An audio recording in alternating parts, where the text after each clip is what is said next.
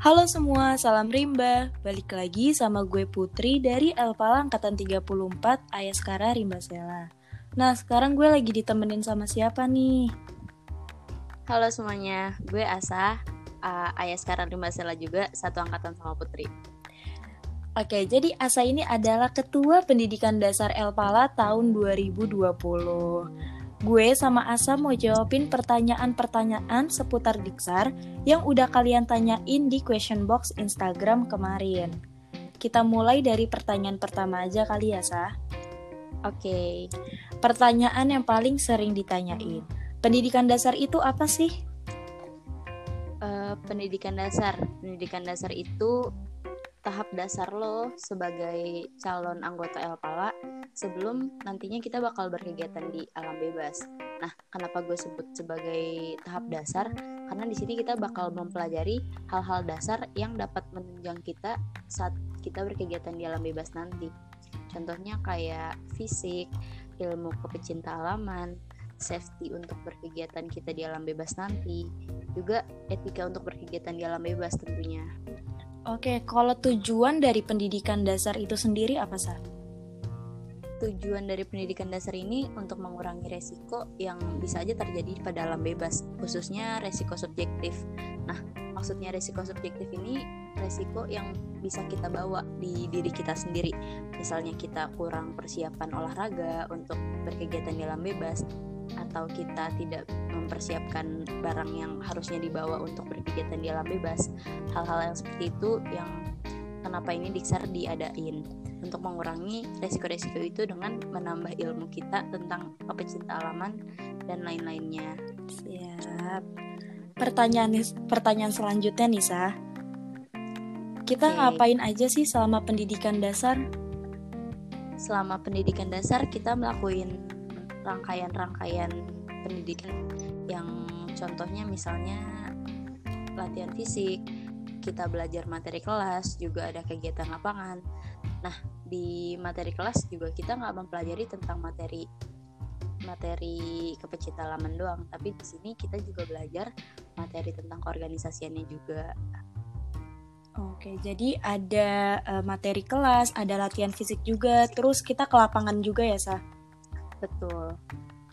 Nah, pertanyaan selanjutnya, sistem pendidikan dasar selama pandemi itu kayak gimana? Oke, ini pertanyaannya bagus sih. Iya. Jadi uh, Diksar selama pandemi ini pastinya bakal tetap berjalan karena nggak ada persiapan yang sia-sia pastinya. Jadi selama pandemi ini kita bakal gunain seluruh media daring yang tersedia, kita manfaatin semuanya selama waktu yang ditentuin oleh pemerintah jadi selama pandemi ini kita ada di rumah, kita melakukan hal-hal yang bisa kita persiapin sebelum nantinya kita berkegiatan di alam bebas. Itu secara daring. Nah, kalau itu kan buat yang materi ya, Sa. Kalau untuk latihan fisik dan uh, lapangannya gimana? Kalau untuk latihan fisik dan materi kelas kita bakal ngadainnya daring, tapi kalau untuk uh, kegiatan lapangan nantinya bakal dialihin ke pendidikan lanjutan itu. Oh, jadi ada pendidikan lanjutan ya? Betul. Kalau perbedaan dari pendidikan dasar dan pendidikan lanjutan sendiri itu apa, sah? Oke, kalau pendidikan dasar ini kita mempelajari dasar-dasar atau basic-basic kita. Jadi kalau misalnya di tahap lanjutannya itu berarti kita belum pelajari lebih dalam hal-hal yang udah kita pelajari di pendidikan dasar. Itu bedanya. Pertanyaan selanjutnya ya Nisa, saya nggak ada basic olahraga, emang bisa ngikutin porsi El Pala? Oke, jadi kalau misalnya, kayaknya ini pertanyaannya juga cukup banyak nggak sih Put? bener-bener. Jadi kalau misalnya emang lo emang nggak punya basic olahraga atau lo nggak pernah ikut ekskul yang berbau olahraga, itu nggak apa-apa banget karena justru di sini ajang lo untuk meningkatkan kemampuan fisik lo di sini kita bakal ngasih porsi latihan bukan sembarang ngasih porsi tapi ini juga hasil dari konsultasi dan uh, tes fisik lo rata-rata tes fisik angkatan kalian yang nanti didiskusi sama yang memang sudah ahli dalam olahraga jadi lo bisa banget di sini ningkatin kemampuan fisik lo secara bertahap. Yap. Contohnya kita berdua ya, Sah? Betul banget itu. Lanjut ke pertanyaan berikutnya. Di pendidikan dasar itu ada penilaiannya nggak? Ada dong pastinya. Jadi uh, di pendidikan dasar ini kita punya penilaian sebelum nantinya lo resmi jadi anggota Elpala. Di penilaian ini kita ada tiga aspek penilaian. Yang pertama ini ada tes fisik sama tes kemampuan selama lo ikut pendidikan dasar terus yang kedua itu ada absensi dan yang terakhir itu ada sikap oh ada sikap juga ya betul ada jadi nggak bisa main-mainnya di pendidikan dasar. Cuman ngandelin fisik doang. Nggak bisa dong. Kalau misalnya lo bersikap buruk gimana nanti lo bersikap di alam? Ah, bener banget. Oke lanjut nih sa oke. Pendidikan dasar itu cuma belajar materi gunung doang ya? Enggak dong pastinya. Jadi di pendidikan dasar ini kita nggak cuma belajar tentang ilmu pecinta alaman doang, tapi di sini juga kita bisa mengasah ilmu tentang keorganisasian kita. Hmm, oke oke.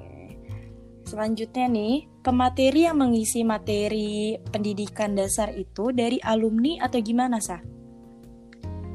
Untuk pemateri yang mengisi materi ini ada kemungkinan dari alumni dan senior tapi tentunya mereka yang ngisi materi ini memang mereka yang udah ahli-ahli di bidangnya jadi misalnya mereka ngisi materi climbing itu mereka pasti udah berpengalaman banget di bidang climbing gitu juga materi-materi lainnya gak mungkin banget kita ngasih materi yang mereka tidak ahli di bidangnya Oke.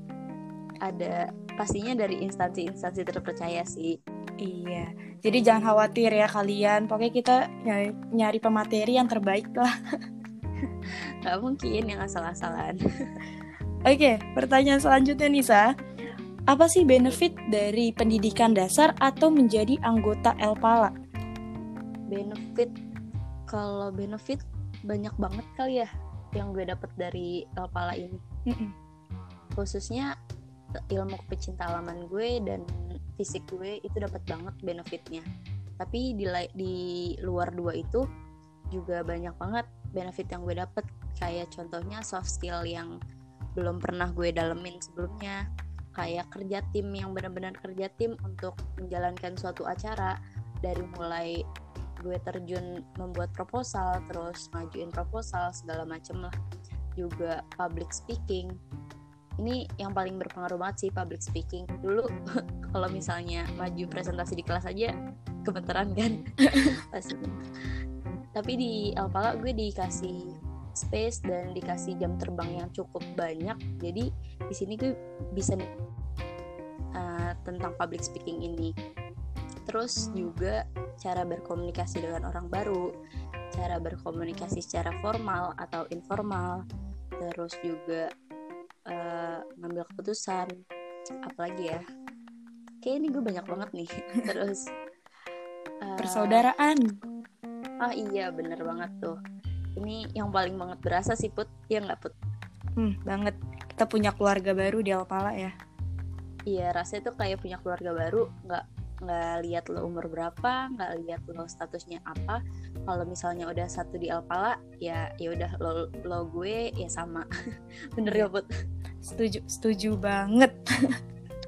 Sama itu sih yang gue dapet juga di sini gue terbuka pandangan gue tentang masalah-masalah sosial dan lingkungan ah iya itu sih paling benefit yang gue dapet selama di sini yang kelihatan Oke, okay, pokoknya semua benefit yang disebutin sama Asa gue juga setuju dan rata-rata semua anggota Elpala juga merasakan itu. Ya kan, Sah? Bener banget sih. Oke nih, pertanyaan yang banyak ditanyain juga, tanggal pendaftaran Elpala itu sampai kapan sih? Tanggal pendaftaran Elpala ini dibuka dari tanggal 15 Juli 2020 sampai tanggal 6 Agustus 2020. Oke, selanjutnya syarat ikut pendidikan dasar Elpala itu apa? Syarat untuk masuk pendidikan dasar Elpala itu gampang banget. uh, untuk lo semua siswa-siswi SMA 68 kelas 10 dan kelas 11 boleh banget ikut Elpala. Oh, jadi kelas 11 ini masih bisa ya saya ikut? Masih bisa banget ikut, betul. Oke. Selanjutnya, cara pendaftarannya tuh gimana sih? Soalnya kan ini lagi pandemi nih. Oke, cara pendaftarannya itu gampang banget. Lo bisa langsung cek Instagram Elpala. Kalau misalnya lo udah yakin udah mantep banget masuk Elpala, lo bisa langsung isi uh, form yang ada di link bio Elpala. Atau kalau misalnya lo masih ragu-ragu dan butuh tanya-tanya dan konsultasi kita, boleh juga tanya sama kita. Tinggal cek highlight Instagram Elpala yang judulnya Diksar 2020. Di sana ada kontak person yang bisa lo hubungin. Oke, jadi buat kalian yang udah mantep banget, pokoknya langsung aja ya ke linknya. Iya betul banget. Dan langsung daftar. Nah, Sa, pertanyaan terakhir, ini dari gue, Sa. Oke, apa tuh? Pes Pesan lo buat calon siswa pendidikan dasar Elpala 2, tahun 2020 itu apa? Untuk calon siswa, hmm, apa ya? mungkin untuk berkegiatan di alam bebas uh, di Diksar ini kita bisa menciptakan kegiatan yang safe, yang aman, fun dan fearless. Maksudnya kita berkegiatan dengan aman, terus menyenangkan dan juga nggak ada rasa takut karena kita punya persiapan yang matang, punya pengetahuan yang memadai, jadi nggak perlu ditakutin. Dan yang pasti buat calon siswa pendidikan dasar Elpala, kalian semua harus tabah sampai akhir. Ya enggak? Iya bener banget, bener banget Put. Oke Asa, makasih banyak nih waktunya. Terima kasih juga. Semoga jawaban yang disampaikan oleh Asa dapat menjawab pertanyaan-pertanyaan kalian. Nah, jika ada pertanyaan yang kurang jelas, boleh banget langsung tanya ke DM Elpala atau ke kontak person yang udah tertera di poster. Kita tunggu kalian di pendidikan dasar Elpala tahun 2020. See you!